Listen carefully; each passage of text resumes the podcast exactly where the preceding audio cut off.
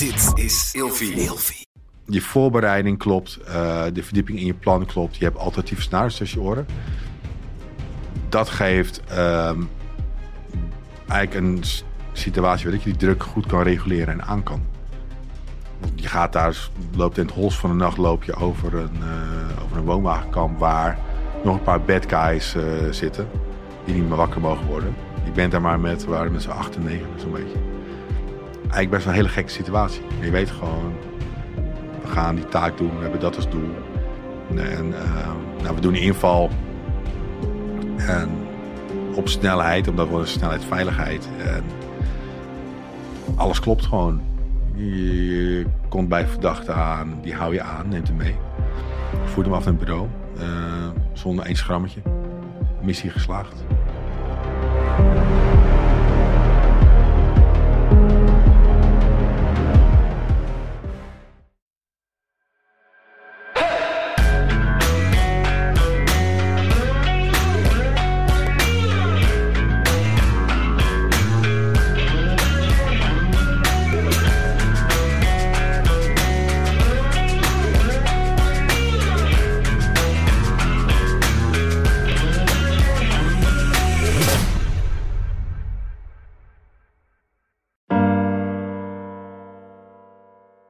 Voordat we zo starten met de podcast, even kort het volgende.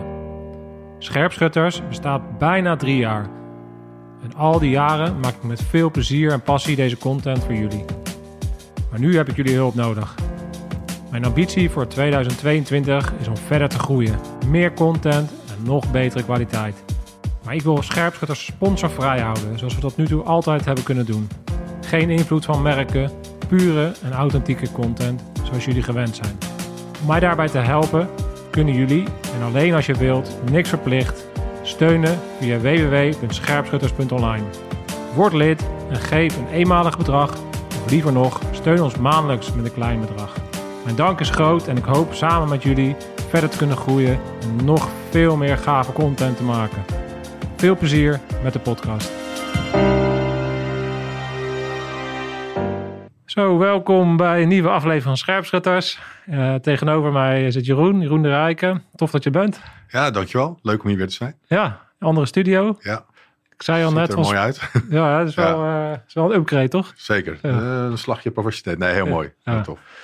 Nou ja, de vorige keer zat Jeroen ook nog naast mij. Hmm. Uh, jij kent Jeroen ook. Ja, Um, uh, volgens mij is het voor de mensen die het nog niet hebben gezien, aflevering 58 uit mijn hoofd, undercover. We hebben toen met name het werken onder dekmantel deel uh, van jou Ja. besproken. En vandaag hebben we een hele mooie reden om jou terug te vragen. Naast dat het altijd goed is om even bij te kletsen en mooie verhalen te doen onder een bakkie. Jij hebt een boek geschreven. Uh, ja, ik zal hem even laten zien. Dit is uh, Onder Druk. Uh, mm-hmm. En daar staat bij deze eliteagent leert je de skills om beter te presteren. Nou, dat ziet er goed uit. Dus daar wil ik natuurlijk alles van, alles van weten. Ja, hartstikke leuk. Ja, ik denk uh, dat het, als ik zelf kijk, hè, nou, toen ik zelf ook jonger was. Ik heb, ik heb natuurlijk eh, heel veel mensen die naar de podcast luisteren. Maar ik kan me nog heel goed herinneren dat ik op een gegeven moment het besluit had genomen om naar de mariniers te gaan. En hoe belangrijk het toen was om een klein inzichtje te krijgen in. Ik weet nog dat ik uh, Bravo to Zero, uh, zo'n missie over uh, SES-gasten in Irak had gelezen. En ja. dan krijg je, toch, ja. je krijgt toch altijd inkijken. Ja. En, het, en het zet toch een bepaalde richting ook, hè, zonder dat je echt weet hoe of wat. Maar ik, ja, en ik las over Delta Force operators. Maar in die tijd was eigenlijk in, over Nederlands uh, zaken was er eigenlijk nog helemaal niks. Nee, weinig terug te vinden. En de ja. laatste jaren zie je, zie je natuurlijk steeds meer, meer boeken en je ziet podcasts. Mm-hmm. En ik denk dat de, de jonge mensen die nu uh, zich willen oriënteren richting, uh, richting een politie of arrestatieteam of mariniers of wat dan ja. ook. iets meer beslagen aan ijs kunnen komen. Ja, ja dat is ook heel belangrijk om, om je keuze daarin te maken. Ja, ja. ja.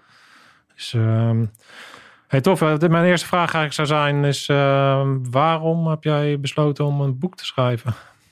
Ja, de, ja, de boek kwam eigenlijk ter sprake omdat ik uh, veel met trainingen bezig ben in het bedrijfsleven. En het gaat erom van hoe kan je teams beter maken in, uh, in presteren onder druk. Dus eigenlijk hoe kunnen ze beter samenwerken. Uh, efficiënter worden met elkaar. En daar gebruik ik eigenlijk de elementjes voor zoals ik die, wat eigenlijk normaal is om te werken met een arrestatieteam en een recovery eenheid. Um, maar gaan die gesprekken, zijn mensen, oh, kan je daar nog wat, meer over vertellen? Heb je niet een paar tof verhalen of hoe werkt het nou precies? En toen kwam eigenlijk het idee van laten we eens een boek maken wat ehm, management coaching tools heeft. Maar ehm, daar zijn eigenlijk best wel veel van. En dan moet je echt wel met theorieën gaan komen. En als je daar ook nog een paar anekdotes aan hangt. Van wat heeft het met mij gedaan en waarom heb ik die keuzes gemaakt. Werd het gaandeweg eigenlijk een soort. Het neigt een beetje naar een biografie te gaan. Maar uiteindelijk werd het een soort levenslessen verhaal. Um, waar ik denk de lezer uh, daar een aantal lessen uit kan halen. die je direct op je eigen situatie kan uh, projecteren. Of in je eigen werkomgeving kan uh, projecteren. En als je het eigenlijk al weet, dan is het misschien een heel, heel tof boek om gewoon eh, te lezen, omdat er spannende verhalen in staan. Oude jongens krentenbrood of herkenning, want ik had ook al meteen, ja. inderdaad, ik moest heel erg lachen, want er staat op een gegeven moment dus een stukje in over uh, dolfijnentrainer. Dan moet je zelf misschien even uitleggen wat dat is. Ja. Maar ik, had, ik moest echt heel hard lachen, omdat dat iets is wat natuurlijk vanuit het Corse Mariniers dan, uh, ja, dat is echt zo'n dingetje. Als je in de kroeg staat dan, uh, en iemand vraagt wat doe je, dan zeiden we altijd, ja, dolfijnentrainer. Maar jij, toen ik dat las, dacht ik, wat, wat de fuck, hè? Jij, jij deed dat ook. Wat grappig. Ja. Ja, die komt inderdaad van, uh, van mijn opleiding uh, die ik had bij in Den Helder. Bij de kikkers. Uh, ik weet wel, een van die specialisten bij het arrestatieteam is duiker. Ja. En heel eerlijk gezegd, ik had, had ik er nog nooit gedoken. Maar er was een tekort aan duikers toen de tijd. Was in Rotterdam. En um, zij zei, Jeroen, jij wordt duiker. Ja, maar ik heb een zwemdiploma en ik kan zeven meter onder water zwemmen. Maar daar houdt wel mee op. En hebben een proefduik gemaakt. En ah, fijn, ik ging uh, toen uh, voor die selectie voor de duiker bij uh, in Den Helder, bij de kikkers. Ja. Fantastische opleiding en echt, het is niet de kikkeropleiding zoals uh, opleiding zoals je hem kent van Defensie. is een afgeleide, is meer op AT-werk en politie toegespitst. Maar echt bizar en echt hele mooie dingen meegemaakt. En echt leren duiken gewoon. Ja. Dus perslucht en zuurstof toen de tijd. Ja. Ja, en van het harde werken moest ook heel hard ontspannen worden. En we gingen dan één keer in de. Eén keer in een week. Uh, gingen we naar de kroeg in Den Helder, was dat. Ja, die kunnen wel zuipen, hè? Die kunnen zeker zuipen, ja. ja. En, uh, ja toen zei hij al van, ja, weet je, je moet, uh, je moet een truc gebruiken dat je dolfijntrainer bent. Want, dat spreekt mensen aan. Ja. die hebben er heel lang in gehouden. Ja, ja. En tof was, toen ik daar wegging, het einde opleiding, kreeg ik een, zo'n boosmanfluitje mee met dolfijntrainer Jeroen.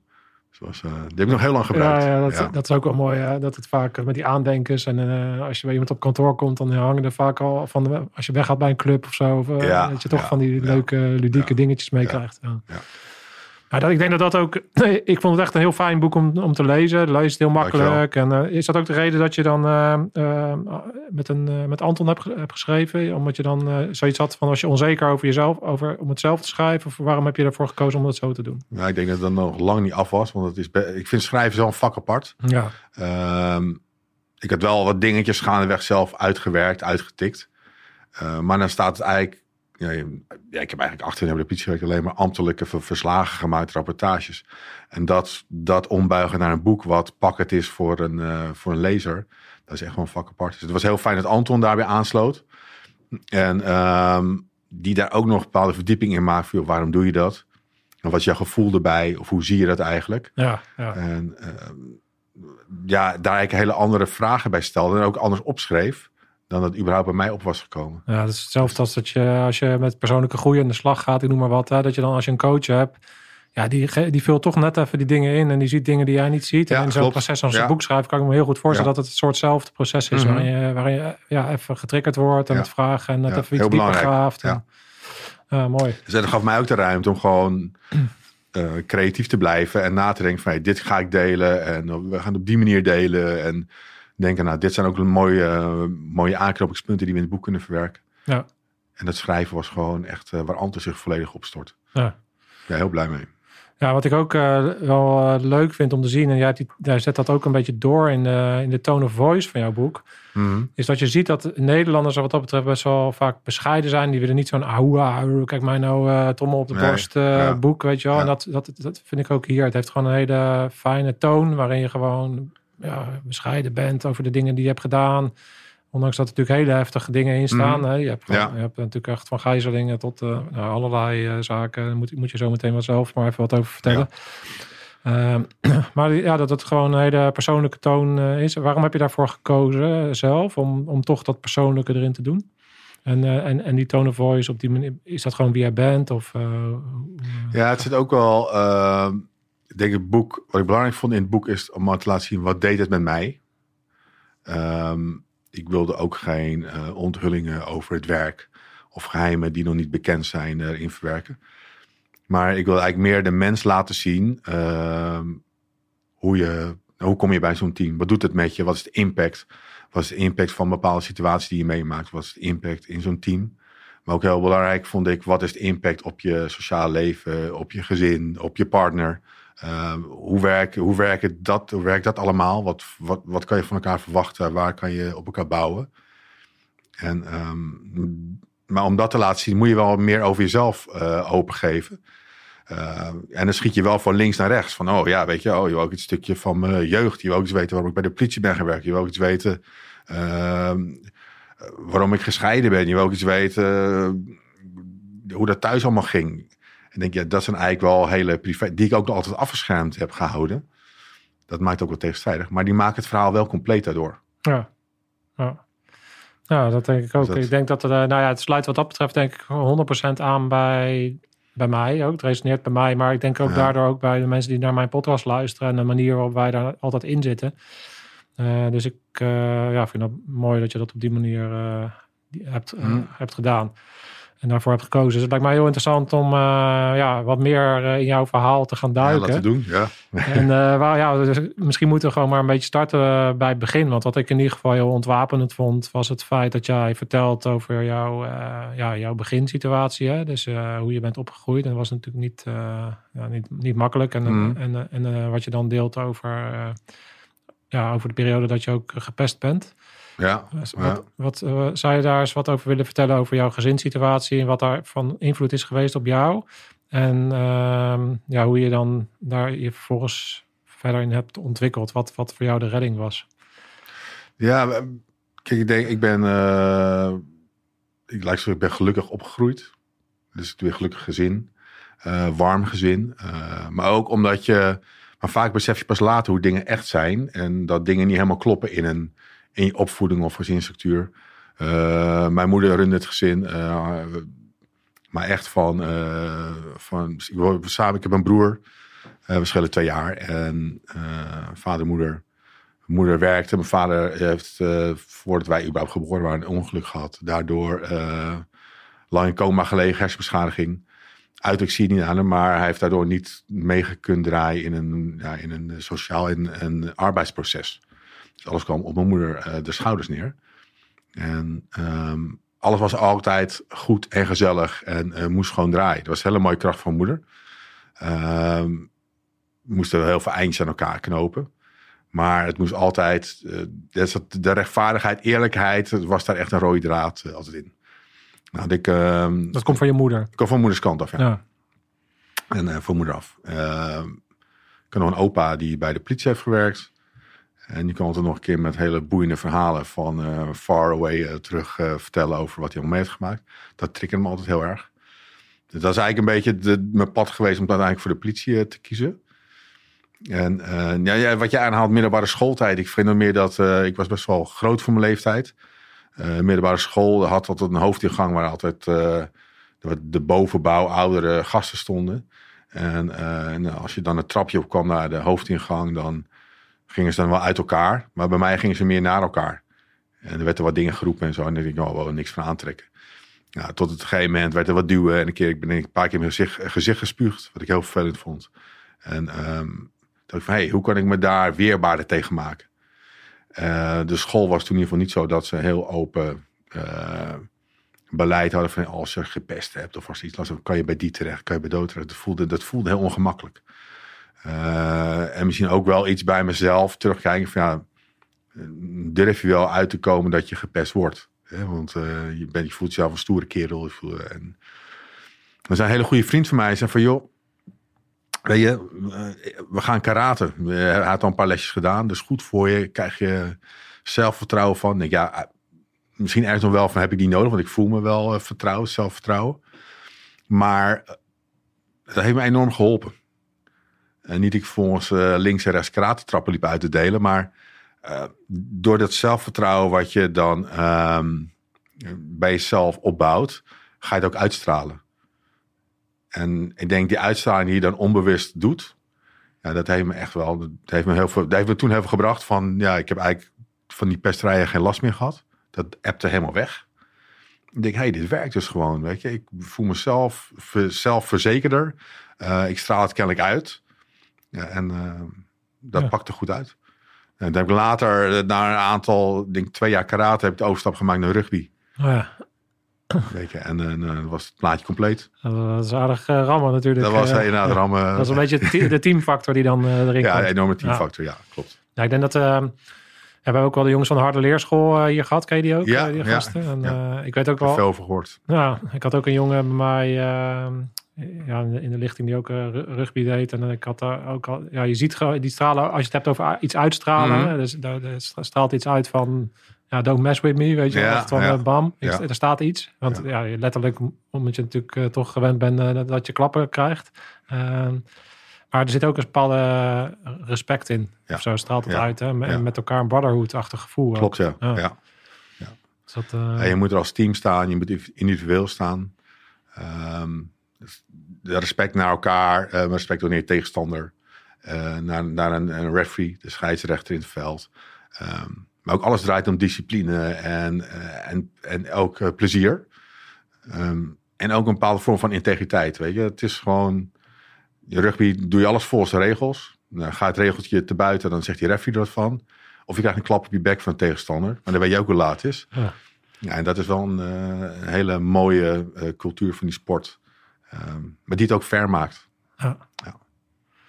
Ja. Mooi. Hey, en dan, eh, nou, je middelbare school uh, ben je op die manier dus, uh, doorgekomen. Mhm. Uh, op een gegeven moment uh, had je geen last meer van die bullies. En, en, Nee. en als je het dan... op een gegeven, wanneer is bij jou, kijk jij, jij noemde al je opa, dus een zaadje wordt die- ergens geplant en eh, ja, dat onrechtvaardig, gevoel voor onrechtvaardigheid had je dus al. Ben je, ben je dan ook iemand die eerder iemand helpt die gepest wordt al van nature? En, weet je, eh, ja, Ja, en misschien is het ook wel, misschien wel lastig. Want je weet dan misschien ook niet helemaal hoe dan. nee. Weet je, ehm even terugvallen bij rugby. Als in het veld iets gebeurt of er gebeurt iets buiten het veld met je maten, dan help je elkaar. En je weet van, hey, wij zijn een team, we moeten elkaar, maakt niet uit wat daar gebeurt, we helpen elkaar. Dus die teamsgeest is enorm. Maar verder, om daar invulling aan te geven van, eh, je ziet iets, of je vindt iets onrechtvaardig, of je vindt ergens iets van, maar hoe geef je daar nou hand en voet aan? Dat is wel, dat is denk ik ook een zoektocht. Ja. En ehm in mijn keuze eigenlijk niet meteen op de politie gevallen. Want ik was best wel goed in scheikunde. En ehm, zo goed dat ik dacht van ik ga in een lab werken. Oh ja, dat, de laboratoriumschool. De ja. Er staat dat. eh, Ja. Dat je echt denkt, hoe dan? Ja, met een witte jas, eh, stofbril op. En, eh, Dat is even iets anders. Ja. Dus dat had ook eh, richting Breaking Bad-achtig eh, De andere kant. eh, kunnen vallen. Nee, ik heb ik denk een half jaar op die school gezeten. Een fantastische studie. En eh, veel bewondering voor de mensen die, dat die dat doen. Maar ik denk, ja, als ik deze doorzet. ehm, ik maak die studie af. Dan wordt de keuze om nog een keer te switchen misschien wel veel moeilijker. En ik had als iets van, nou, dat politie... Ik wil een keer die politie, dat politievak proberen. Eh, want ik heb geen garantie dat ik aangenomen zou worden. Dus ik moet maar door die selectie heen komen. Ik denk, als ik het nu niet probeer, dan ga ik het nooit meer doen. Dus ehm, ik heb toch wel besluit genomen van... eh, ik ga bij de politie solliciteren en eh, kijken of ik de overstap kan maken.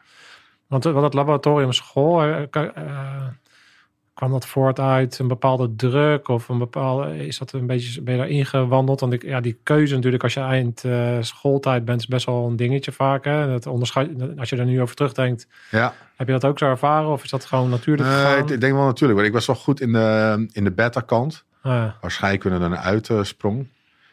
Het vak boeide me ook enorm. Dus ik, ja, dit, dit is iets wat ik leuk vind eigenlijk. En eh, misschien moet ik hier gewoon wel later mijn werk van maken. ja. Ja, Ja, en toch dat je ergens een stemmetje achterover van... Ja, maar wacht even. leuk. Maar misschien moet je even de andere kans ook nog uitlopen. ja, ja. En toen eh, gewoon gaan aanmelden. Ja, Of, eh, ja. En dan, want jij, komt, eh, je- jij bent, als ik het goed heb, Rotterdam, hè? Eenheid. eh, was je, ja, was ik begon, daar ben ik later naartoe gegaan. Ik ben in Zaanstad ooit begonnen. Ah, ja. In 19- 1989 ben ik uh, de politieschool Amsterdam uh, gestart. En dat was, uh, was toen nog intern. Een fantastische entourage. Ik weet wel dat we kennismakingsweken hadden. En natuurlijk over wetgeving, vuurwapen, over de schietbaan, over zelfverdediging. We kregen we er helemaal oversteld met informatie. En tot er een man de klas binnenkwam. Die het, was de hoofd civiele dienst. Die zei, ja, moet even iemand hebben die in de recreatiecommissie gaat plaatsnemen. En ik zei, nou, dat wil ik wel. Ja, en ik dacht, het is iets misschien met, uh, met spelletjesavond of iets dergelijks. Of een sport, sportdagje organiseren. Maar dat was gewoon de, de bar uh, beheren. Die gewoon uh, na zeven uur open ging. Ja. En die moest gewoon volop gedraaid worden. Oh, zo nou. Ja. dus het was een mooie tijd. En ehm, maar weet je, qua opleiding denk ik totaal twee jaar. Zo'n beetje.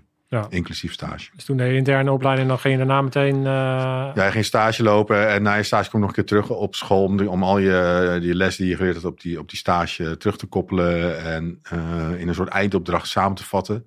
En dan ging je naar het korps waar je dan uh, voor aangenomen was. En dat was aan Rotterdam? Dat was voor mij Zaanstad. Oh, dat was eerst Zaanstad ja. en daar heb je gediend en toen... ja.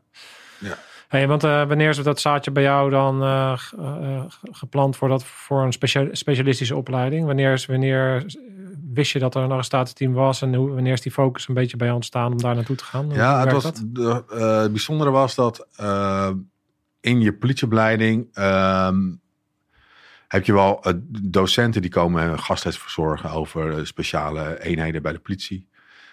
Um, vraag je net toen ook al over pseudo kopen. Best wel breed. Uh, heel interessant. Maar je moest zelf ook een vaktechnisch onderwerp uh, moest je presenteren. Uh, eigenlijk een spreekbeurt waarin je van alle middelen gebruik mocht maken die tot je beschikking lagen. En met een, een, maat uit mijn klas toen de tijd. Dus voor, mij heeft dat stuk ook nog in de panorama gestaan. Er was toen iets met een AT optreden. En daar werd een arrestatieteam beschreven, wat toen een kleine club was. was een samenvoeging net van de Rijkspolitie en uh, de gemeentepolitie, AT's gaande, uh, dacht ik. Um, in ieder geval, ik kwam toen uh, met het team van Amsterdam in contact. Ik zei, weet je, misschien moeten we dat vachttechnisch onderwerp over het arrestatieteam presenteren. En toen zijn we uitgenodigd bij het AT van Amsterdam. En die, die teamleider daar zei, joh, ik heb nooit eerder zo'n vraag gehad, gaan we doen. Want het is wel goed voor ons om uh, wat uh, naar buiten te komen. En uh, ja hoor, we, je hebt je wat informatie, dan kan je onze kaders uitleggen. En daarna geef je gewoon een demo. Wil je dat we op gaan zeilen van het gebouw? Of zullen we paar stunts gooien? Zullen we een autopro... Denk wat gebeurt hier, weet je? en een grappige anekdote nog was dat toenmalige vuurwapenpresident van die opleidingsschool, die zei, uh, die wilde niet meewerken aan, uh, aan ons onderwerp. Die zei van, joh, dat is allemaal geheim en die komen niet en, en dat. En ik weet er alles van. Hij had er nooit bij gewerkt. Dat was een, uh, een beetje stoerdoenerij natuurlijk van ja. hem. Maar hij zei, ik ga niet aan meewerken. En die komen niet. Dus eigenlijk op die dag dat wij ons onderwerp gingen presenteren, rollen ze ogen uit zijn kassen, want die denken van, wat gebeurt hier? En, uh, dat was eigenlijk mijn eerste kennismaking met AT. Dus ja. allemaal demo's gehad op school. En, uh, en, toen, had ik wel, toen had ik wel zoiets van, hey, dit is heel interessant. Ja. En uh, dit gaat net een stapje verder wat we hier allemaal leren. ik wil het best uit mezelf halen. En ik, no matter what, ik ga een keer proberen om daar bij die eenheid terecht te komen. Ja. Ja, nice. Ja. Zo is dat uh, gestart. En toen heb je, uh, ja, gewoon, uh, of gewoon, toen ben je gestart met je werk. En ja, het boek start natuurlijk ook een klein beetje met, met de, het begin. Hè? Dus je was, jij, was, jij was fit. en op een gegeven moment ging je aanmelden, maar je aanmelding ging niet helemaal goed, hè? Nee, nee klopt, ja. Ik moest, was een teleurstelling. Ken jij de 7 P's of niet? help even.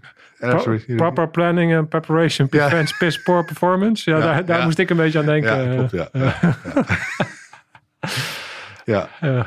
Nee, het is ook wel zo van, uh, net zoals je in het boek beschreven staat, maar ook wel, uh, je hebt doel. Mijn doel was om uh, bij het team te komen. Maar een van de voorwaarden was dat je drie tot vier jaar uh, nou, straatervaring, operationele ervaring moest hebben voordat ja. je kon solliciteren. Is dat nog steeds zo? Dat weet, niet. Ja, Eh, weet dat ik zou- niet. Ik denk wel dat daar iets, hebben. dat Ja. je wat, wat of andere affiniteit moet hebben. Ja. Eh, maar goed, ik was toen jong en eh, ik denk dat het een hele logische eis was toen de tijd. Maar ik denk, nou weet je, ik zorg gewoon dat ik fit ben en ze zitten gewoon op mij te wachten. Ze zijn onderbezet. Eh ze halen de beste in huis. Dus ja, ik denk, wat kan me, wat, je zit al helemaal, je leeft er helemaal heen. Ja. En ik vergeet nooit meer dat ik toen eh, uitgenodigd werd, uh, de brief schrijven. Nou, die brief krijg je de uitnodiging voor een gesprek. En ik kom in een kamer waar eh nou, zaten vier selectieleden aan tafel. Weer heel hartelijk ontvangen. En ik klapte volledig dicht. Op de vraag van waarom wil je bij ons werken, begon ik te hakkelen en te stotteren en ik wist het niet meer. Ik denk, ja, maar dat, ik dacht van, ja, maar wat een rare vraag, weet je. Je ziet toch wie er tegenover je zit, die wil je toch binnen. Maar dat werd hem dus niet. dus dat was een stukje voorbereiding die ik, eh, die ik gemist had. Ja, Even een lesje in eh, nederigheid. ja Misschien. zeker. Ja, ja. Ja. Ja, dat ik kan me voorstellen als je dan natuurlijk daar zo mee bezig bent, dat je dan... eh, Of je beide voeten op de grond. ja, je moet weer eventjes terug, terug op je plek. Ja. En ehm, Nou, en leuk is dat niet. Omdat ik voor mijn gevoel daar toen helemaal klaar voor was. eh, en ook nog in de zin klaar voor was. Omdat je dan denkt van, oh, als ik verder rond kom en ik kom weer een ronde verder. eh, privé klopt dat ook allemaal. Je kon dat thuis goed matchen. eh, Zo'n lange opleiding zou je, zou je er prima in kunnen, in kunnen passen op dat moment. Ja. Want die vacatures, die werden maar één keer in de... Nou, één keer in het jaar, anderhalf jaar werden die opengesteld. Dus eh, nou, je hebt wel een teleurstelling te verwerken van ja, oké, ik heb hier iets laten liggen. Ik ben terecht afgewezen. Maar mijn volgende kans komt pas weer eh, volgend jaar of over anderhalf jaar. En hoe zit ik dan in de wedstrijd? Hè? Heb ik er dan nog zin in? Of eh, kan je dat opbrengen kan- voor jezelf om nog zo lang te wachten? Eh, Goed, wat, is, wat is dat voor periode? Maar je, wordt, je vraagt wel iets van jezelf. Je moet echt Ja. omgaan met teleurstelling. En dan jezelf herpakken van oké, wil ik ervoor gaan? Ga ik er nog een keer voor? Ja, dan, en dan komt het moment wel. Ja, ik vond het interessant. Ik heb de vorige podcast was met Nieuws. En die heeft Ja. de podcast Boeiend, eh, Ja. ook Rotterdam. En die heeft het AT niet gehaald. Dus Mhm. die heeft wel ijzer gehaald. En op een gegeven moment is hij geblesseerd, geblesseerd geraakt. En toen begon de twijfel toe te slaan. En toen had hij toch zoiets van, ja, misschien past het niet helemaal bij mij. Ja, En heeft hij uiteindelijk andere keuze gemaakt. Bij de recherche gekomen. En, en nog echt gewoon een hele mooie loopbaan gehad binnen de politie. Maar ik vond het mooi om te zien dat hij toch dat verhaal vertelt. Want ik heb ook al, ik denk dat het belangrijk is ook om, omdat jij daar ook iets noemt in je boek over als je dan weer terugkomt en wat het dan doet, en wat voor een soort sfeer er omheen hangt rondom mensen die de AT-opleiding willen doen. Er hangt toch een soort van. eh, ja, mensen hebben er aan de ene kant ontzag voor. Aan de andere kant hebben ze iets van: oh, oh, als iemand afvalt, dan is het toch fijn eh, om iemand weer even eh, op zijn plek te zetten of Ja, zo. Hè? ja, Dus ja. En, en, en ik merkte ook wel vaak dat als er jongens bij mij voor de scherpschutters experience kwam, toen ik dat nog deed, dat wa- waren vaak jongens die wilden, wilden dan naar een AT. Maar dat ze die drempel zo hoog legden. Eh, dat ze er bijna ook niet mee begonnen om dan überhaupt dat traject in te gaan. Ja. Vanwege misschien de consequenties van wat als ik het niet haal. En, Mhm, en dan eh, mhm. sta ik straks bekend als een of ander lulletje of ja, zo. ja. Eh, want jij hebt daar ook wel eh, in dat jaar ervaren dat, dat, dat er dan dus op een bepaalde manier met jou omgegaan wordt. Kan je daar wat over delen? Ja, eh, het is natuurlijk best wel lastig als je. ehm, Nou, ik herken wat je zegt van als je zo'n doel stelt, dan eh, stel je eigenlijk kwetsbaar op. Ehm, je gaat voor een trek waar weinig, maar eh, weinig mensen doorheen komen. Ehm, er zijn ook collega's om me heen die zeggen van, joh, maar ik heb het ook geprobeerd en eh, maar ik, heb, ik vond eigenlijk niks, weet je, want eh, je moet veel te lang dit en dus, dus die hebben die belichten de negativiteit van het werk. Ja. Ehm, terwijl ze waarschijnlijk eh, ook op een gegeven moment gedurende selectie afgevallen zijn. Ehm, dus eigenlijk je gaat je kwets opstellen. eh, je moet je verlies durven toegeven. Dat, doen, dat is, was eigenlijk ook toen, toen niet normaal gebruikelijk bij de politie om dat te doen. Van joh, ik heb het geprobeerd. eh, het lijkt me heel tof, maar het past niet in mijn gezinssituatie. Het lijkt me heel tof, maar eh, het is niet voor mij besteed. Dat is eigenlijk ook heel normaal om te zeggen. Ja.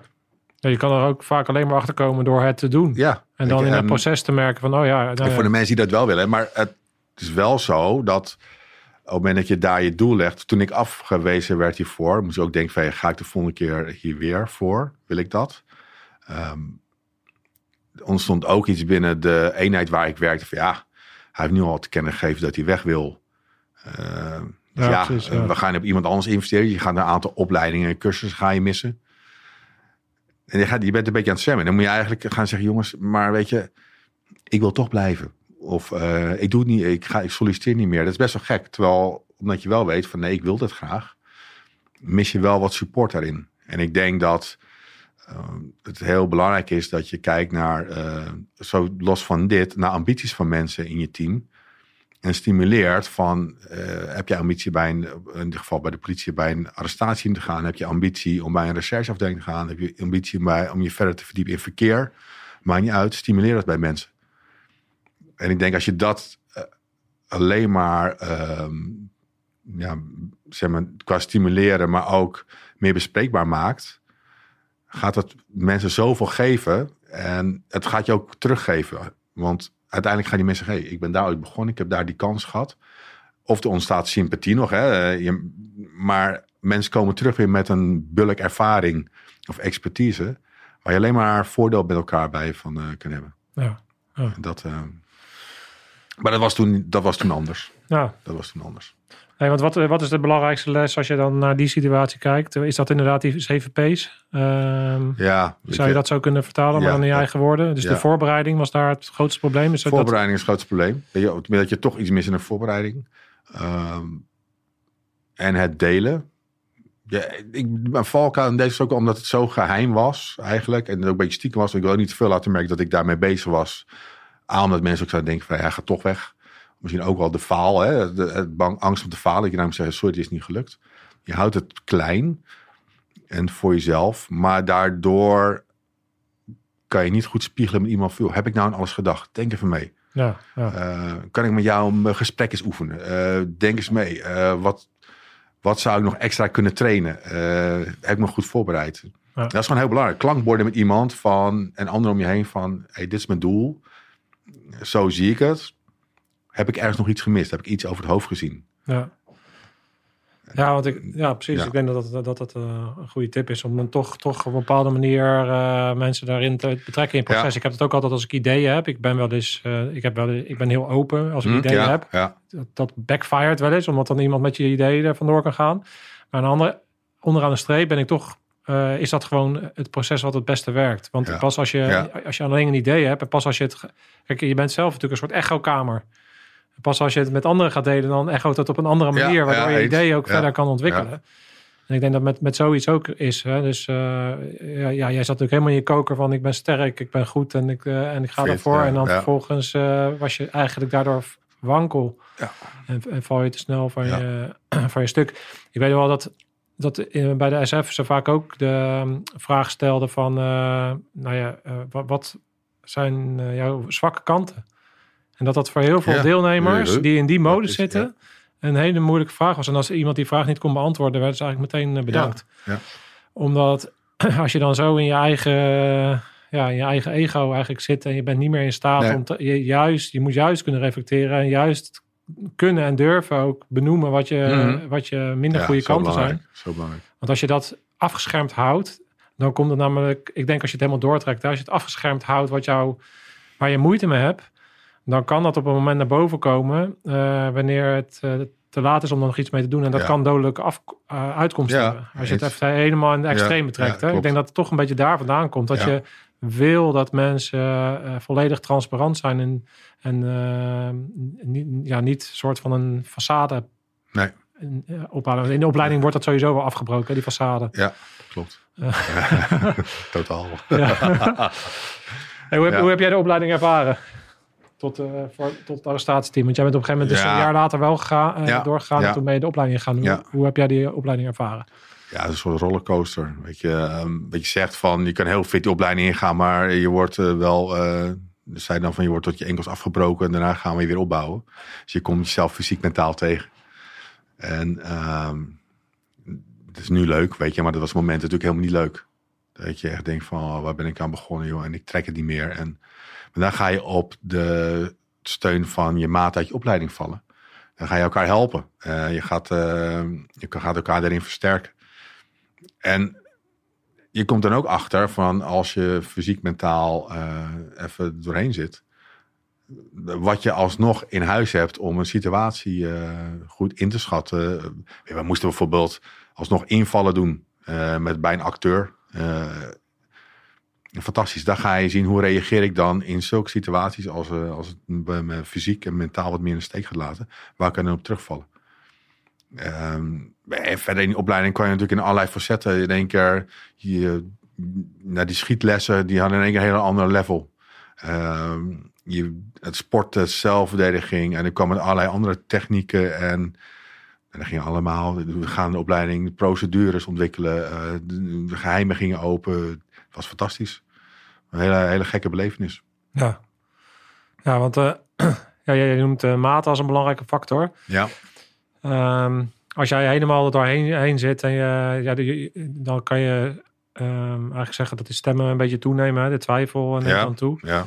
Ja, maar, ah, kan jij eens echt een van de donkerste momenten bedenken waarop je de grootste twijfel had en wat, wat, wat het dan voor jou is, wat, het, wat je er doorheen trekt? Naast die name voor- vanuit Ja, ik denk ook wel het zelfvertrouwen in je eigen kunnen. Of, of vertrouwen op het plan wat er ligt. Of vertrouwen op het materiaal wat je hebt. Ik, eh, eerst al met de binnenschiet. Ik, eh, ik vind een hoop dingen tof. Eh, maar op hoogte staan eh, is nooit mijn favoriet geweest. Ik heb ook geen, geen hoogtevrees, maar ik heb wel natuurlijke vrees voor hoogte. Nee, idee. echt respect voor de mensen die daar met twee vingers in de neus de Ja. dingen fixen en onder controle hebben. Ja. En je, dat zijn, ik vind dat wel een leuk brugje van. Ik denk dat dat echt wel. Dat ik me daartoe moet zetten van oké, weet je, ik vertrouw wat, ik geleerd, wat me geleerd is. Ik vertrouw op het materiaal. Ik vertrouw op de, de, de kennis en kunde van de lui die eh, hier de boel hebben voorbereid. Ja, ik deed het ook altijd op hoogte. Ja, Ik heb en- laatst ook een video gemaakt over werken onder stress. Eh, Ja. toe- toevallig uh, bedenk me nu ineens dat ik toen ook dat voorbeeld eh, noemde. Dat deed ik ook altijd als ik op hoogte was. Ging ik altijd extreem, of extreem, ging ik mezelf eigenlijk afleiden van Ja. de angst. Ja.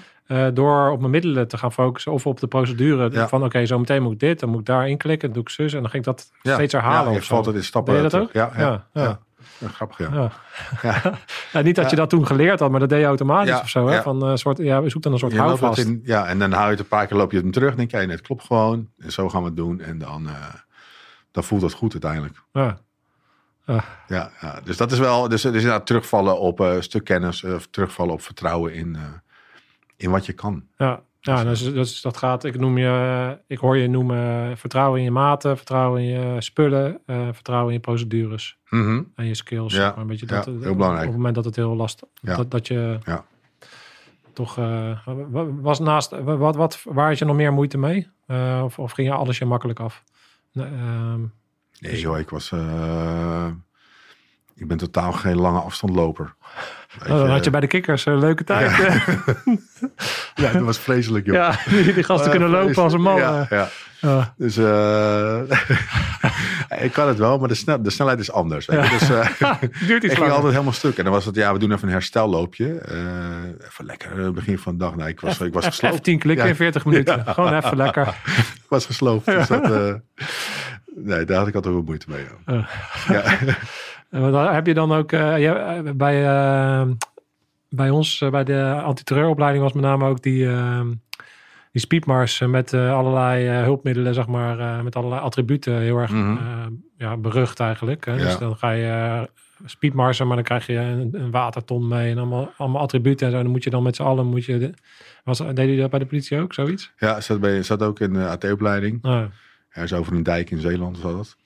Ik zit ook in een duikopleiding en afgeleide daarvan hoor. Dus uh, oh. ik ja, gaan we weer. Ja, ik wil zeggen, dan kan je een redelijk uitgeklede op, opleiding bij de kikkers doen. Maar daar, daar zal vast wel iets in zitten waar je naar de kloot nee, gaat. Nee, klopt, ja zeker. Uh. Ja. Ja. ja. fantastisch. En, en, die, uh, en die maat waar je het dan ja. over hebt in de opleiding, uh, daar bouw je natuurlijk een bepaalde band mee op. Heb je daarna ook met die gasten gediend? Ja, ja. ja. Dus een kleine groep, waren met z'n zessen. En uh, Kijk, de eenheden zijn natuurlijk maar, uh, waren toen 120 AT'ers in heel Nederland. En een aantal uh, werden bij hetzelfde team geplaatst. Uh, maar je, je komt elkaar constant tegen. Je hebt, die, die wereld is zo klein, je hebt heel veel contact met elkaar. Ja. Jij noemt dat, dat, gaat, jij noemt dat je maten. Ja. Ja.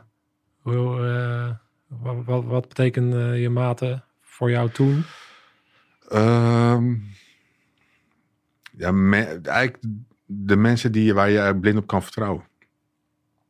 Als, als om situaties gaan waar het echt op aankomt, kan je daar blind op vertrouwen. En uh, op terugvallen. Uh, ook nog mensen waar je misschien, weet je, buiten acties, buiten werk, heb je ook raakvlakken uh, met één lachje meer, met één lachje minder. dat maakt helemaal niet uit, maar je, die baas van vertrouwen, die is gewoon uniek. Ja. Je begrijpt aan elkaar, van elkaar wat je, wat je bedoelt. Je begrijpt van elkaar. Uh, er komen een paar woorden. Als je de hulpvraag stelt, staat diegene er gewoon. Dat is tof. Dat, dat gaat nooit weg. Ja. Nou, mooi. Dat, ja. Hey, want uh, ja, in jouw, in jouw boek staan natuurlijk een x-aantal uh, casussen, om het maar even zo Ja, te noemen. ja. Uh, heb je daar een selectie gedaan? Want uh, ik weet niet precies hoeveel, uh, hoeveel casussen er, als je, als je ja, het zo, een als aantal, een aantal ja, van. x aantal. Hè? Dus je hebt uh, verschillende, je hebt 40 hoofdstukjes. Het zijn lekker korte, korte hoofdstukjes met, met ja, echt een diversiteit eigenlijk Klopt, aan, aan klussen die je hebt gedaan. Ja. Heb je daar een soort van, zijn dat gewoon de dingen geweest die naar boven kwamen en, en het eerste of heb je echt een selectie gemaakt? Hoe werkt Nee, we hebben eerst een, een ongecensureerde versie gemaakt. Ehm, samen met Anton te kijken van oké, wat zijn nou voorbeelden die zijn blijven hangen? Wat zijn voorbeelden waar iemand zich kan, mee kan identificeren? Ehm, wat zijn voorbeelden die eh, interessant eh, zijn om te lezen? Maar de grote lijn is eigenlijk, wat zijn voorbeelden die, ehm, die misschien nog wel geheim zijn? Of die schade kunnen geven, risico kunnen oplopen voor betrokkenen? privacy of uh, voor Of, jullie? of, of- mensen kwaad doen die daarin in genoemd worden. ja. Dus dat was eigenlijk een feit van nou, dat, daar moeten we gewoon uh, van wegblijven. Uh, we hebben ook besloten van nou, laten we in ieder geval kijken als we nu eh, als we het hebben over Rotterdam en veranderen dat in Groningen als locatie. Um, en in plaats van een villa doen we een appartementje ergens op driehoog achter. Wat doen we daar tekort mee met aan de essentie van het verhaal? Nee, maar de beeldvorming wordt wel anders. De herkenning van iemand die daarbij betrokken is geweest, is het daardoor niet meer. Ja. Um, dat is eigenlijk een soort safe geweest die we daarop toegepast hebben. Um, dat heeft ook nog met undercover werk te maken. Daar zijn ook trajecten geweest die nooit uitgespeeld zijn geweest. Um, we hebben daar meer gekeken welke zaken, onderzoeken hebben de media gehaald. Wat is daarover in de media uh, over, ge, dus over gepubliceerd, over gezegd. Um, waar kan ik wat toelichten? Mijn gevoel daarover uh, terugkoppelen. Ja. Dat was goed zo. Ja, dus, en ik denk dat daar. Dus uh, ik ben benieuwd wat mensen daarvan vinden. Maar ik denk dat die verhalen voldoende ja. inzicht geven. En, en, en, leuk zijn om te lezen. Dat we daar wat doel mee gehaald hebben. Ja, ja nou, en dan uh, met die verhalen. Hou je uh, natuurlijk elke keer iets aan wat, wat belangrijk is voor het werken onder druk. Want dat is natuurlijk ja, het thema wat elke keer thema, terugkomt. Ja. Ja. Kan je soms meenemen in verschillende dingen die bij jou naar boven komen als je het hebt over werken onder druk en dan aan de hand van casussen, of het nou in het boek staat of, ja. uh, of, of daarbuiten. Kan je eens wat uh, langslopen en voor jouzelf eens wat voorbeelden noemen van uh, wat er dan bij komt kijken van het werken onder druk. Ja, weet ik heb bijvoorbeeld, er zit een voorbeeld in uh, inval in een woonwagenkamp. Uh, vuurwapen, vuurwapengevaarlijke gast. Ook iemand die, zich een untouchable waande. Um, die moesten dan van zijn bed liggen. Dat mij een van de eerste acties dat ik als eerste in het treintje mocht en naar binnen ging. En dan was eigenlijk, dat is je ere, ereplek. Dat was toen. Uh, maar op dat, op dat terrein waren veel vechthonden aanwezig, van die, van die agressieve beesten. Altijd hè, op die woonkamp. Ja. en, los of ze überhaupt zouden bijten, weet je, dat, dat, dat, uh, dat risico wil je niet hebben. Je wil gewoon stil aankomen daar. Dus uh, toen werd besloten van, je gaat eerst de boel verkennen, je gaat de boel in kaart brengen.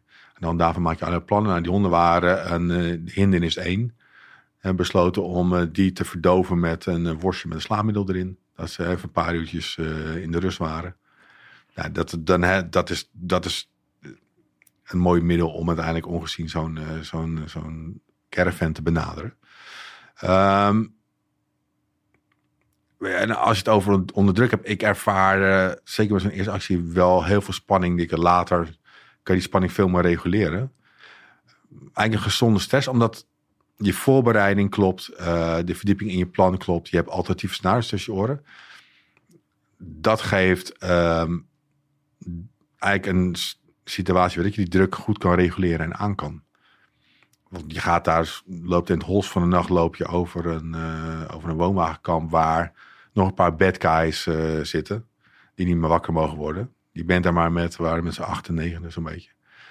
Eigenlijk best een hele gekke situatie. Maar je weet gewoon, we gaan die taak doen, we hebben dat als doel. En ehm, nou, we doen die inval. En op snelheid, omdat we snelheid veiligheid. En alles klopt gewoon. Je, komt bij verdachte aan, die hou je aan, neemt hem mee.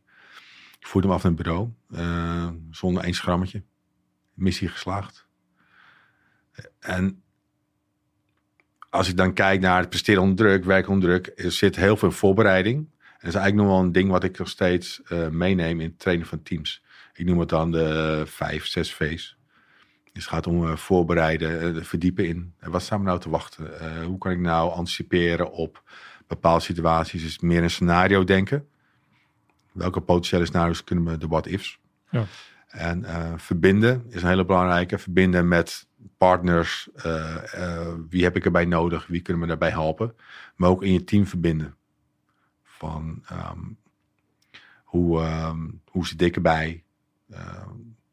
Ben ik zenuwachtig? Eh, is een aantal, zijn een aantal dingen me niet duidelijk? En dat gewoon durven te vragen aan elkaar. En ehm, dat, dat maakt die verbindende factor. Nou, dat geeft eigenlijk weer dat geeft een veilige situatie. Hè, dat je met zo'n team zo'n eh, inval kan doen. Ehm, en dan alles op basis van vertrouwen. Ja. En dat is eigenlijk de key thing. eh, wat ik ook een beetje uit de anekdotes wil naar voren laten bereiken. Ja. Ja, we hebben ook een eentje waar. Die vond ik wel grappig. Ik denk waar de arrestatie en curvewerk een beetje elkaar raken en bijeenkomen. was een. ehm, ik weet nog wel in Rotterdam.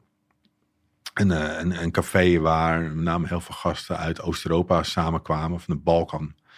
Maar allemaal met oorlogservaring. eh, want die kwamen uit oorlogsgebied, hadden niet gevlucht. Zich gestoord hadden op eh, criminele, in criminele organisatie. Die veel in de drugshandel waren, wapenhandel. Nou, kortom, geen lieve gasten. En in een tent waar iedereen elkaar kent en waar je eigenlijk alleen maar binnenkomt eh, met toestemming van eh, barpersoneel die op een sluisdeurtje moest drukken. Ehm, en je ook nog wat nodige vragen stelde. Nou, de, is een situatie dat er een gast was ehm, die internationaal gezocht werd. Levensgevaarlijk, uiteraard. Die kwam via de achterdeur binnen, werd ook beschermd door een paar maten. Maar hij was herkenbaar aan een tatoeage van een schorpioen die in zijn nek had. Ehm, dat was eigenlijk de 100%. Nou, er was informatie binnengekomen dat hij eh, regelmatig op een avond eh, in het café eh, zich ophield, gokken. Voordeel was dan wel dat je toen de tijd nog kon roken binnen en sigarettenautomaten gebruikt waren. Observatieteam kon daar niet naar binnen, had daar niet de mensen voor. En ehm, toen zei, uh, want het team van hey, laten we daar kijken of we daar zelf iets kunnen doen, uh, voor die herkenning kunnen gaan. En dan een soort paard vertrooien daar naar binnen kunnen vallen. Dus ik had toen lang haar en uh, samen met de maat uit mijn team hij was een beetje getransformeerd als twee Balkan criminelen. Een glimmer aan haar en staart. En zijn we daar naar binnen gegaan. Dus, en we werden eigenlijk wel snel geaccepteerd je moet, je, moet even een stapje terug. Je moet je, moet je helemaal inleven in je rol. Wat spreek je af? Uh, wat zijn noodsignalen? Wat doen we dat? En wat doen we als we herkenning hebben? Hoe communiceren we? Het zijn allemaal, even een vogelvlucht, hiccups die je moet tackelen met elkaar. Maar wat doet het met je? Wat, wat gaan we zeggen uh, als iemand wat aan ons vraagt? Um, wat voor rol nemen we aan? Hè? Ga je de arrogante klootzak uithangen? Of ga je een rol van een verdwaalde verdwaalde gast die je denkt, hey, tof tent, die kom je ook binnen. En dat, dat soort dingen moet je goed op elkaar afstemmen.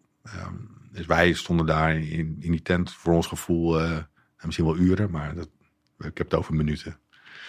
Denk een half uurtje binnen geweest zijn. En, um, maar je, het ging om de herkenning. Dus uiteindelijk zat, zat ergens achter in die ruimte zat dus een tafel waarin, uh, waar veel gegokt werd. Zat een gast met zijn rug tegen de muur de acht sigaretautomaat. Ja, en dat kon hem wel zijn. Maar we moesten die 100% hebben van die, eh, die tatoeage in zijn nek.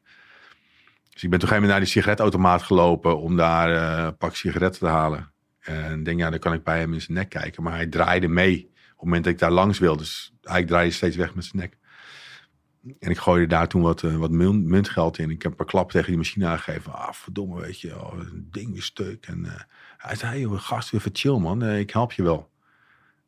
Ja, eigenlijk een hele aardige vent. Hij bukte om wat geld te pakken voor mij. Want een, eh, een, voor mij eurotijd toen nog inderdaad. Van een eurotje pakte die of zo. En eh, hij bukte voorover. En ik zag die eh, schorpioen in zijn nek. Nou, dat was eh 100%. Ja, met een pak sigaret in mijn handen. Ik terug in de bar. Ik Maar ja, het is hem. Dit is een aardig gast ook. Maar het is hem. Hij heeft me geholpen. en eh nou, staat er verder op zeker. Maar op een gegeven moment toen kwam het team binnen. En eh, wij werden keihard meegeveegd. Veel te hard natuurlijk. Dat het afgesproken was. Eh, maar geslaagde actie. Ja. Ja. Ja, spannend. Ja, Ja. Dat, dat zijn wel mooie, mooie dingen natuurlijk waarop je eh, natuurlijk van alles door je hoofd in gaat. Maar de, wat, ik vooral, wat ik vooral intrigerend vind, is inderdaad ehm, ja, hoe je uiterlijk overkomt en wat er intern gebeurt. En Ja. daarin bewust zijn van, eh, want je denkt natuurlijk vaak inderdaad van, oh, nu heeft iedereen mij door. Of nu, eh, oh shit. Ja, Of, ja. maar al die twijfels die je natuurlijk heel de tijd in je hoofd hebt, dat je die niet op geen enkele manier uitstraalt.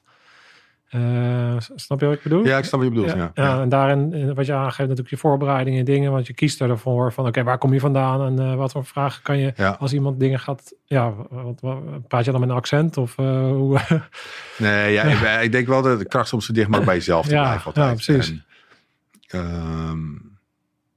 ehm, dat is ook wel denk ik wel waar ik een bruggetje maak in mijn boek van natuurlijk werken bij die speciale eenheden ook bijzondere mensen.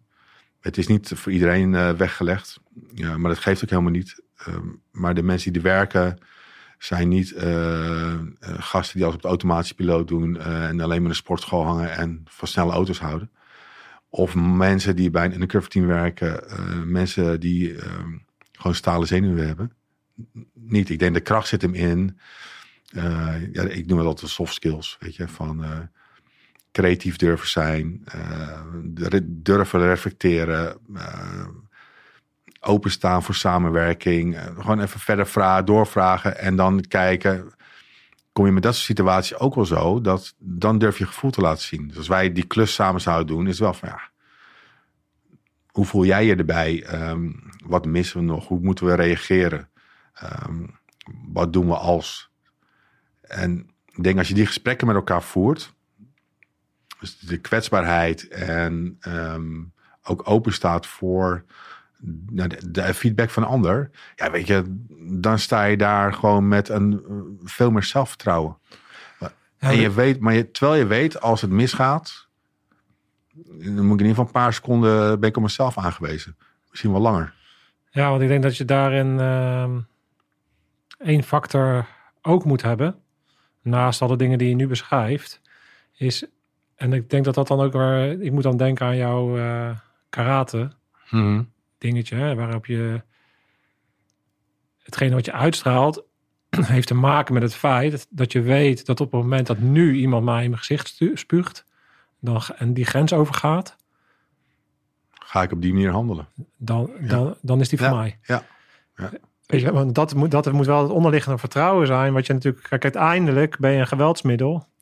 En eh, kan je natuurlijk nog zo, zoveel soft skills hebben. En dat is ook, dat, die moet je Ja, ook hebben. En die, ja. Maar, maar daar, die onderliggende laag, het fundament daaronder, is natuurlijk iets heel anders. En dat is Ja. natuurlijk keihard. En dat, is, Ja. dat heeft te maken met, ben jij bereid ook om dat geweld toe te passen Ja. op het moment dat het nodig is. Hè? Dus Ja. je, bent, ja, je wordt eigenlijk eerst opgeleid tot het beest. Mhm. En vervolgens leer je Je het beest afschalen. controleren. Ja. Ja, en ik, ik doe het ook al. Dit is misschien wel vanuit de aanval beschouwd. Hè, van eh, als iemand op een bepaalde manier reageert, dan kies je voor reactie A. In ieder geval een aanval.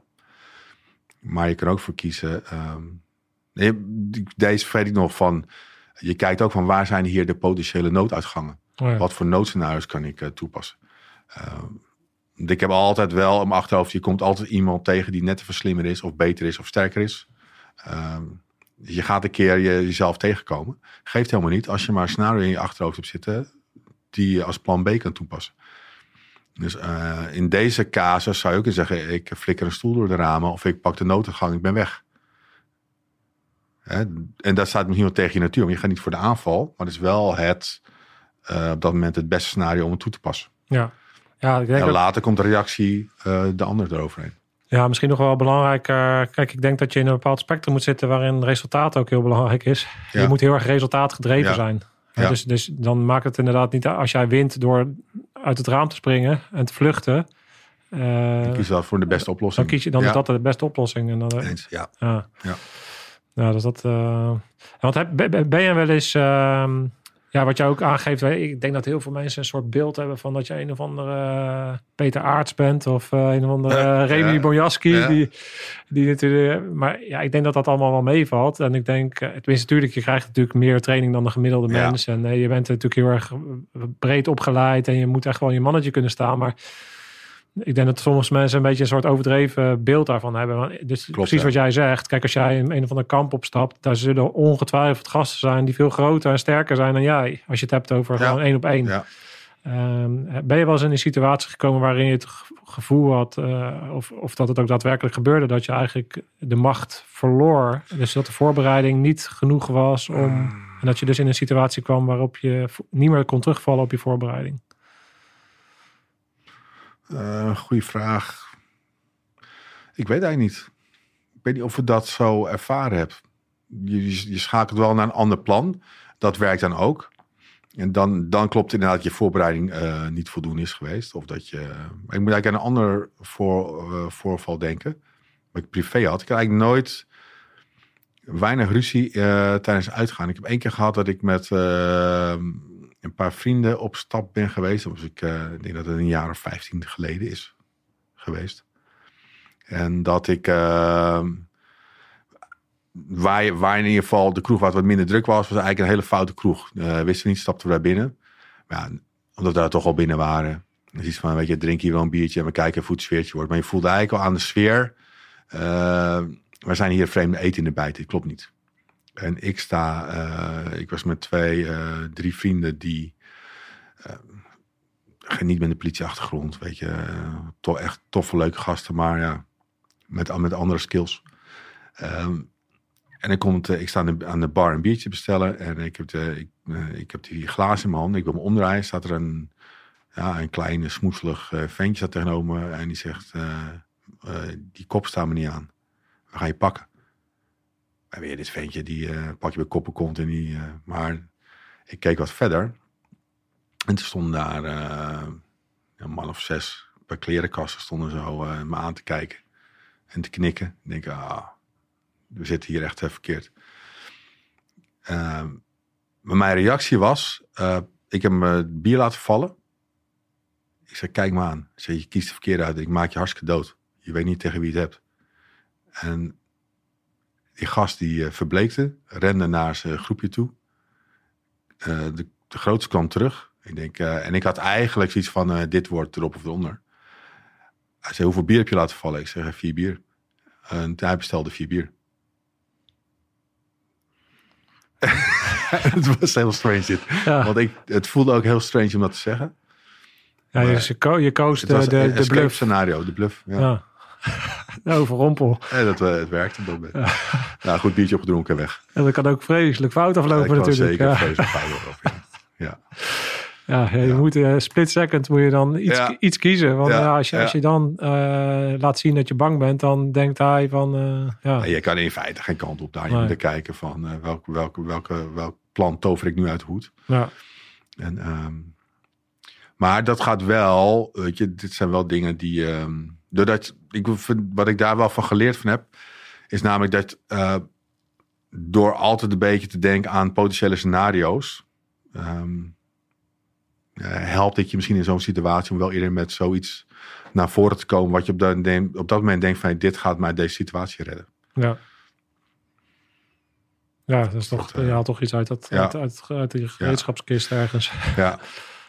ja je, en ehm nou, workwise, wat jij zei, van zijn er dingen wel eens helemaal mi- misgelopen of anders gelopen dan eh, als zoals je me had voorgesteld of voorbereid had. ik denk dat het altijd wel zo geweest is. Dat er altijd dingen toch niet kloppen. Of dat informatie niet volledig is geweest. Uh, maar dan heb je het er met elkaar over. Uiteindelijk kom je wel tot een goed resultaat. Ja. Weliswaar met een paar keer extra links en rechts afgaan. Ja, maar er kunnen natuurlijk ook dingen gebeuren die totaal niet... Die totaal niet Volgens voorzien. mij is dat je, je opening ook. Van, dat, van die situatie dat je eigenlijk iemand komt arresteren... die vervolgens is een hartaanval krijgt. Ja, ja.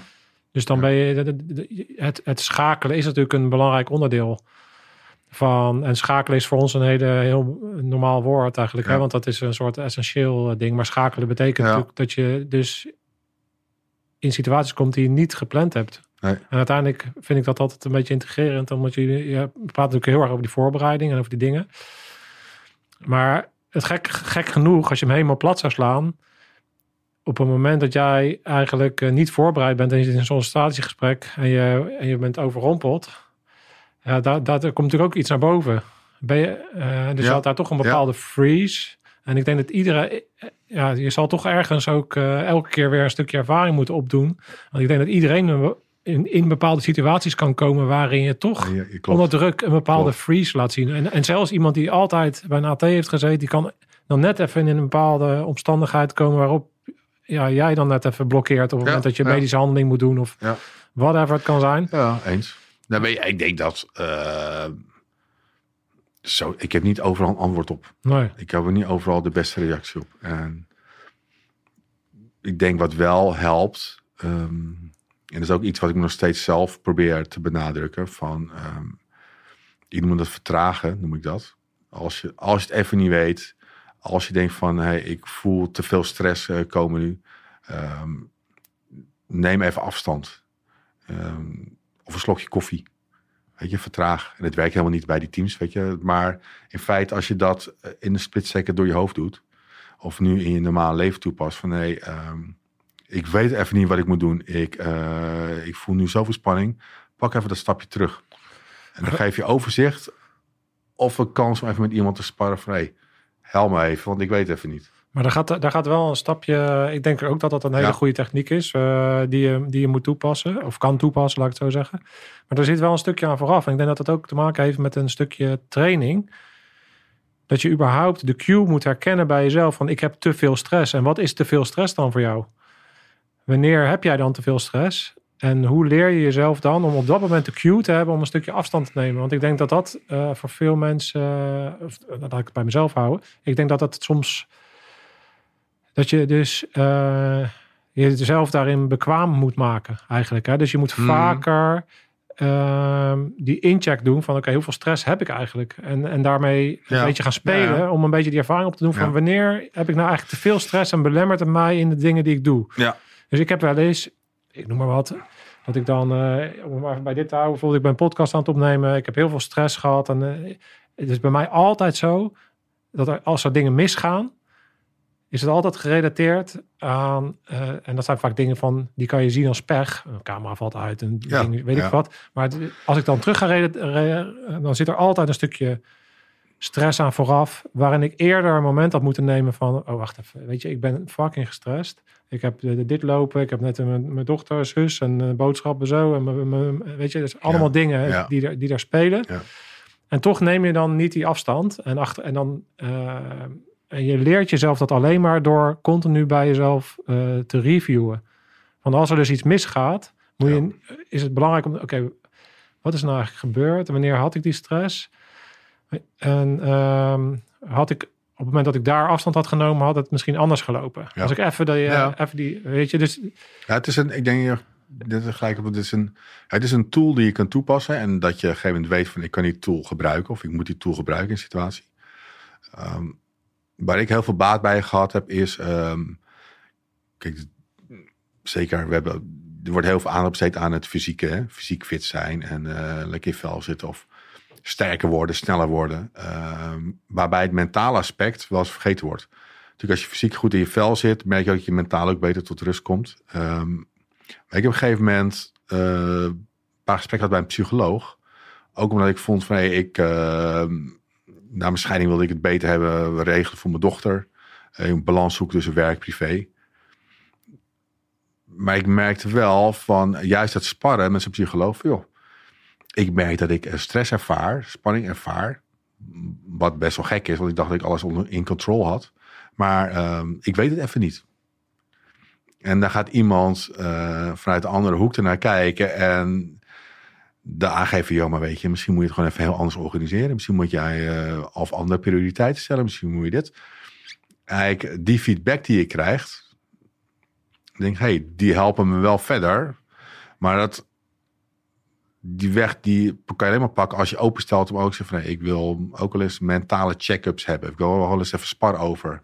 Ja. Uh, je kan heel goed roepen van, kijk joh, ik weet heel goed uh, hoe ik met stress om gaan. Nee, dat weet ik helemaal niet.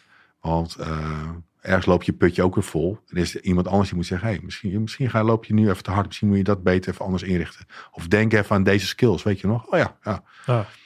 Nee, 100%. Dat... Ik, ik, herken dat. Ik denk dat, dat uh, jij en alle mensen die ik ken, en uh, ik zal mezelf daar dan ook onderscharen. In de zin van op het moment dat je dus in zo'n eenheid werkt.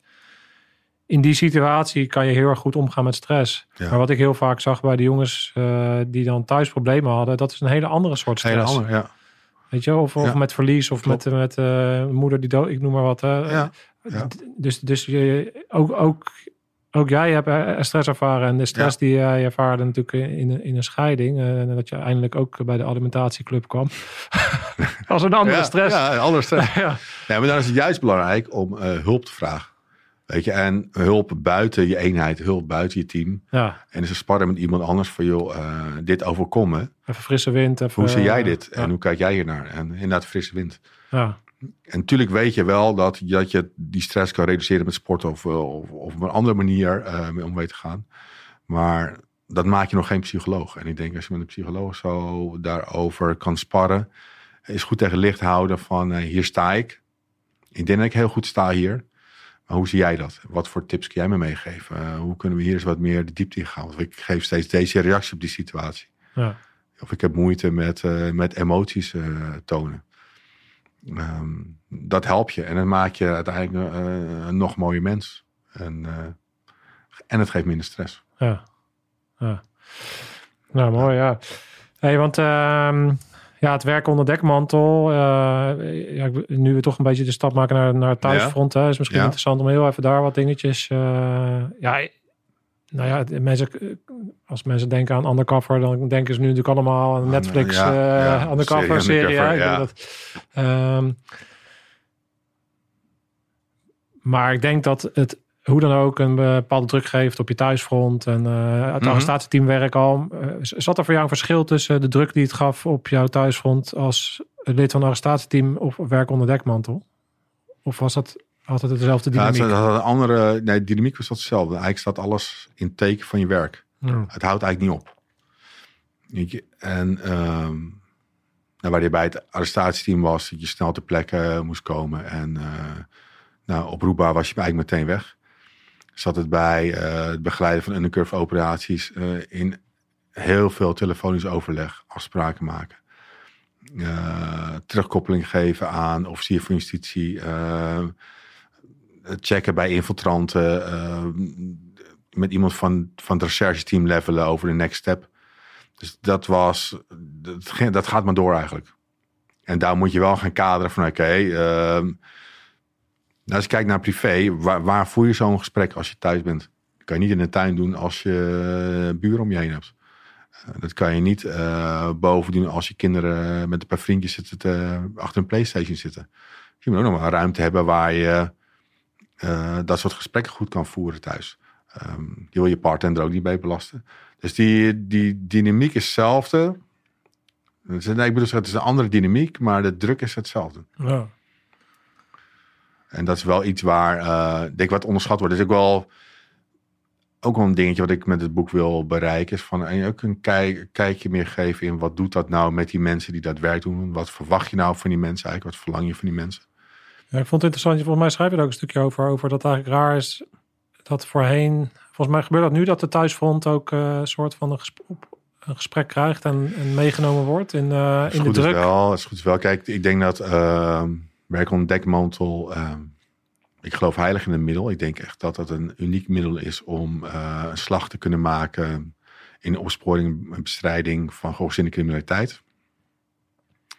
Ehm, ik weet in de periode van... Dat, dat, traject was ook heel bijzonder lang. En ehm, zijn er mensen bij ons thuis geweest. Eh, ook om met je partner te praten. De steun van thuisfront is eh, belangrijk. Ehm, maar ook qua veiligheidsbrug. Want ik kon vaak niet vertellen waar ik naartoe ging. eh, wat voor eh, onderzoek we ehm, mee bezig waren. Zijn, allemaal, zijn er vaak hele lange trajecten waar kleine puzzelstukjes op zijn plek komen. Het heeft ook geen zin om je partner te belasten met allerlei geheime verhalen. Want dan geef ik het geheimpje door. Van, weet je, ik, nou, ik mag je Martijn niet vertellen, maar ik vertel het toch aan je. Maar dit en dit zijn we nu aan het doen. En we hopen daaruit te komen. Maar je mag het niemand vertellen. Had je de discipline ook om dat te doen? Ja, het heeft ook helemaal geen, geen enkele meerwaarde. En, en waar, wat vond je daar het moeilijkst aan om dat niet te vertellen? Nou, openheid, weet je. Ik denk dat het heel belangrijk is om thuis, om je relatie gezond te houden. En eh, ik hou van openheid, transparantie, Ja. dingen delen. En dan wordt het best wel vervelend als je zegt van, je mag eigenlijk niet over praten. Dat voelt dus een beetje, eh, nee, het moet lopen draaien thuis. Dat, dat, dat, dat vond ik wel lastig. Ja. Maar ook ehm, wel feit van nee, ik kan het nu niet met je, ik kan het niet met je delen. Dat heeft geen, dat heeft geen meerwaarde. Dat is een druk die dat wel ehm, thuis gaf. Maar dan verwacht je, eh, ik merkte wel dat vanuit de organisatie daar is daar te weinig aandacht voor. eh, voor een thuisfront. Of überhaupt van wat doet het überhaupt met eh, mensen die dit werk doen. Of voor belasting eh, is dat. En dan, en dan kunnen die, nou, die kunnen die mensen wel aan. Hè, daar ben je eh, voor geselecteerd, ben je voor opgeleid. Maar ehm, dat vraagt ook een stukje eh, bescherming vanuit de organisatie, een stukje waardering, eh, erkenning en nazorg. En ehm, maar ik, ik heb dat toen het in de jaren wel gemist. Ik denk, hey, dit is best wel gek. Eh, je wordt met vlag en wimpel ergens eh, binnengehaald. Ehm, je bent de crème de la crème van de opsporing in dit geval. Ehm, waar veel om te doen is. eh, waar je met andere identiteiten werkt. waar je vanuit safe houses werkt. Waar ja, ik heb niet meer zoveel contacten met, met je eigen politiecollega's. Ook dat zij niet weten dat jij hier ergens een, ja, vanuit een safe house opereert. Eh, er zitten heel veel risico's aan. En, en het is best wel gek dat er niet de erkenning, waardering komt vanuit een, eh, uit die organisatie. Ja. Ja, dus daar zou eh, wel wat verbeterd kunnen worden in jouw eh, ogen. Klopt. Ja. Daar is, wel- daar is inderdaad wel wat verbeteringen voor nodig. En als je, dat, eh, Dus, ja. als, je het, als je het bij jezelf eh, trekt en je, en je zou nu een soort van terugkijken hoe jij met je thuisfront eh, bent omgegaan, wat, wat zou je tegen jezelf willen zeggen toen jij aan, aan het begin van je carrière stond op dat gebied? Had je dingen anders gedaan? Had je dingen beter moeten weten? Had je, als je nu iemand hebt die aan het begin staat, wat, wat, waar moet je op letten? Nou, ik denk, je, je je bent altijd, eh dat klinkt heel uh, cru, je bent altijd vervangbaar. Je, niet, je, je hebt het gevoel dat je onmisbaar bent. Dat, eh, binnen de baas, binnen de, binnen, binnen de eenheid. Ja, binnen- ja. Binnen eenheid. Ik denk gewoon zo vanuit het politievak van... eh, het is heel tof om overal bij te zijn. Het is heel tof om... eh, ja, weet je, je, je wil je nuttig maken. Je wil je laten zien van... Ik, ik, kan, ik kom je helpen om het probleem op te lossen. Of ik ben daar nodig. Maar er zijn er meer mensen die dat ook kunnen. En, ehm, maar door... ik denk ik soms als oogklep heb, heb gehad van... nou, ik ben onmisbaar, dus alles moet hiervoor wijken. Ja. En ehm, nou, daardoor doe je denk ik thuis wel eens tekort. Heb ik thuis wel eens tekort gedaan. Heb ik mijn vrienden tekort gedaan.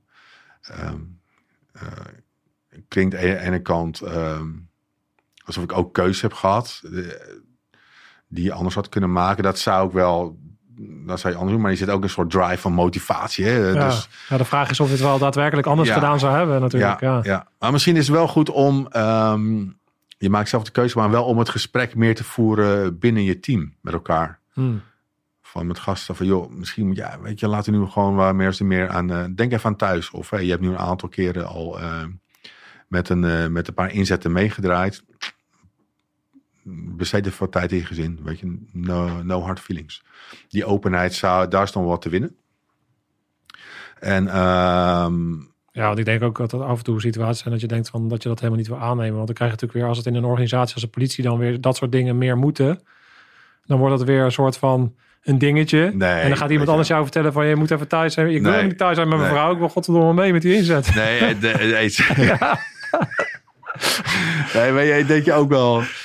Het moet ook niet van een ander komen. Maar ik denk maar als je het, als je het onderwerp meer bespreekt met elkaar. Ja, ga je het zelf gewoon aangeven, jongens. Ja. Eh, ik, eh, ik heb eh, focus op thuis. Een stukje nuance in, in, in een Ja. stukje cultuur en een stukje afremming van gasten die alleen maar voorwaarts willen. Ja. En dat is het, denk Ja. ik. Ja. Ja. Godverdomme op die verjaardag zitten. Ik mee op instappen. Ja. Ik kan wel appjes binnen. Ja. Oh, Nee joh, nee, dat... eh, ja. ja. En, nee, ik denk eh, eh, dat... Dus dat... eh, dus dat, wat ik zeg, over dat onmisbaar zijn. hoe dit- Nou, dat je... Maar het- wat daar haaks op staat, van... Soms ehm, zijn er ook zoveel belangen... dat je weer geen nee kan zeggen. Ja. Ja, als een, eh, ik heb een situatie gehad dat de rechtercommissaris eiste dat ik al, eh, als ehm, deskundige, getuigendeskundige op kwam draven. Ehm, en daar, anders werd die verdachte heen gezonden. Waar heel veel tijd en moeite in was gestoken. En het kwam echt helemaal niet uit. Het was gewoon een eh, waardeloos moment. Ja. Maar dan heb je geen keus. Je hebt op dat moment, ja, ik heb wel een keus, maar er zit een hele grote consequentie Dan, aan. dan klap je, Dan een, moet je eh, heel veel werk van prioriteit. jezelf, van mensen om je heen. Hele, iedereen.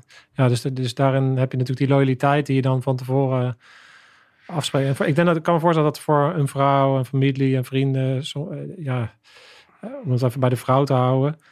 Ja, je moet ook wel van, van goede huizen komen als je dus een Ja. relatie hebt met iemand die eigenlijk zo'n grote loyaliteit heeft bij zijn werk. Ja, ja. En dan moet je ook wel heel veel geven en accepteren. En, eh, en ook, ik vond het mooi wat volgens mij zei Gijs Tuinman dat eh, onlangs inderdaad. Van, eh, ik weet niet precies hoe hij dat, hoe die dat verwoordde. Maar het zit hem, ja, je moet ook gewoon die liefde hebben voor iemand eigenlijk. Om die zichzelf te laten zijn. En dat, en dat accepteren dat diegene daar minder is of vaker afwezig Ja. is. Zowel fysiek als mentaal. Ja, dan moet, dan moet je echt iemand zo goed voor kennen ook. Voor, van, en van weten van ja, maar ik kan, ik kan eigenlijk twee dingen doen. Ik kan diegene ondersteunen in zijn droom en Mhm. in zijn missie eigenlijk. ja. Eh, of, ik, eh, ehm, ja, of ik ga eigenlijk alleen maar een, een, een belasting worden. En, eh, maar dat, dat klinkt leuk, maar dan tegelijk, maar, te- maar niet jezelf verliezen daarin. Nee, Ik kan me nee. voorstellen dat dat, ja, dat dat super. Ik heb daar heel veel bewondering voor, voor die vrouwen die, Oh, dat, bizar, eh, ja. die dat op die Ja, manier kunnen en ja. dat ook eh, eh, doen. En ik denk dat, er, dat het heel logisch is dat er re- relatief veel scheidingen zijn, omdat er, Mhm. er gewoon zoveel druk op komt te staan in zo'n relatie. Hè? En, en je ook, ook natuurlijk groeit. En het is ook natuurlijk een lange periode. Hè? Hoe lang? Soms zou je dat misschien wel een paar jaar kunnen volhouden, maar misschien dat je na een jaar of tien of er gebeuren dingen in je leven eh, Ja. van, van de partner, waardoor de dingen veranderen ook in, in, je, Ja, ja. in wat je belangrijk vindt. Ja, ik denk eens. je, Ik denk dat eh, het zet zeker druk op je relatie. Het, zal, het test ook je relatie, hoe sterk die is. En ehm, ik wil het ook niet als excuus gebruiken, maar ik denk, ja, als je relatie eh, al wat rammelt of wat minder sterk is dan je had verwacht, dan klapt die. Dan is dit echt wel een zetje die eh, dit, bij dit werk, bij dit soort eenheden, ehm, het zetje gegeven. Maar ik denk wel dat ehm, een stuk transparantie naar elkaar thuis heel belangrijk zijn. En ehm, als je ambitie hebt om dit werk te doen, eh, dan moet je ook daar je partner helemaal in meenemen. Van, eh, de keuze van een heeft gevolg voor de ander. En eh, die, die backup, die steun moet je met elkaar hebben. Daar moet je afspraken over maken. Ik kan ook jongens zeggen van, weet je, nu ik heb deze kans nu, ik maak die kans. In overleg met de partner. Eh, maar na die acht jaar draaien we de rollen om. Dan ga jij voor je carrière en dan zet ik mijn ego opzij en dan eh, pak ik een andere rol. Maar dat werkt alleen maar als je daar met elkaar eh, transparant over bent en, eh, en commitment over hebt. Ja. Ja, nou ja, en, eh, ja, heel mooi gezegd. Ik denk, eh, ik sluit me daar helemaal bij aan.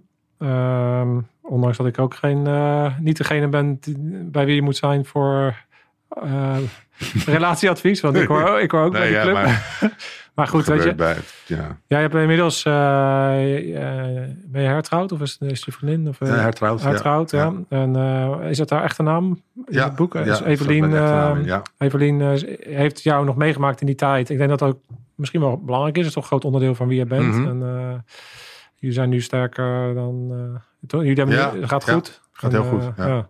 Heel blij mee. Hey, maar waar, uh, ja, ja, je bent uh, hun, met Hunted bezig. Je hebt je eigen uh, recherchebureau. Ja, Je, hebt je, je bent schrijver inmiddels, dan, auteur. het wordt een lange lijst. Wordt het, ja. Ja.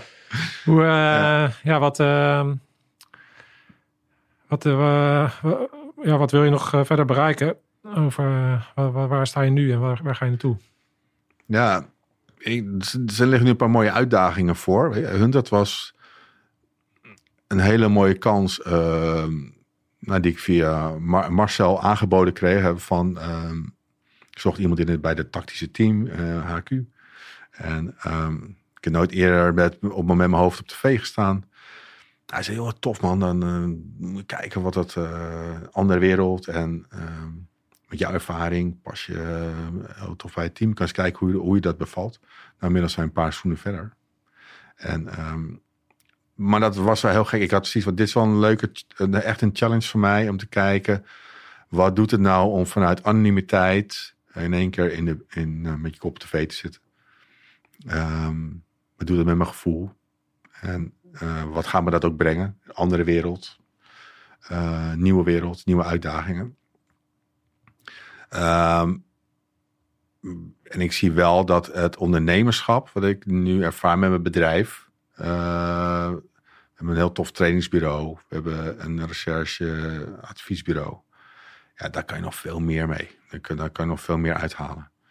En dat is ook constant een spanningsveld, de uitdagingen die je tegenloopt van waar, waar lift je op mee? Uh, hoe ga je met klanten om? Hoe bouw je netwerk uit? Met welke mensen wil je samenwerken? Uh, je stoot honderd keer je neus, je haalt honderd keer succes. En dat geeft een hele toffe drive. Ja. En wat, wat ik heel gaaf vind, is dat je je expertise, uh, alles komt daarin samen. Dus ik merk dat ik heel goed dingen die ik, um, ik zelf geleerd heb, of die ik um, vanuit mijn werkverleden daarin kan toepassen. En daarin ah, nog steeds bij kan dragen aan een stukje veiligheid van de maatschappij. Maar ook kan helpen om mensen zich te ontwikkelen. Of om een team beter te laten functioneren. Dat mensen zich fijner voelen, veiliger voelen. En daar met een big smile uh, naar hun werk gaan en van hun werk uh, vandaan komen. Ja. Dus, oh, mooi. Ja, wat, je triggert me een beetje, omdat er volgens mij staat er, staat er ook...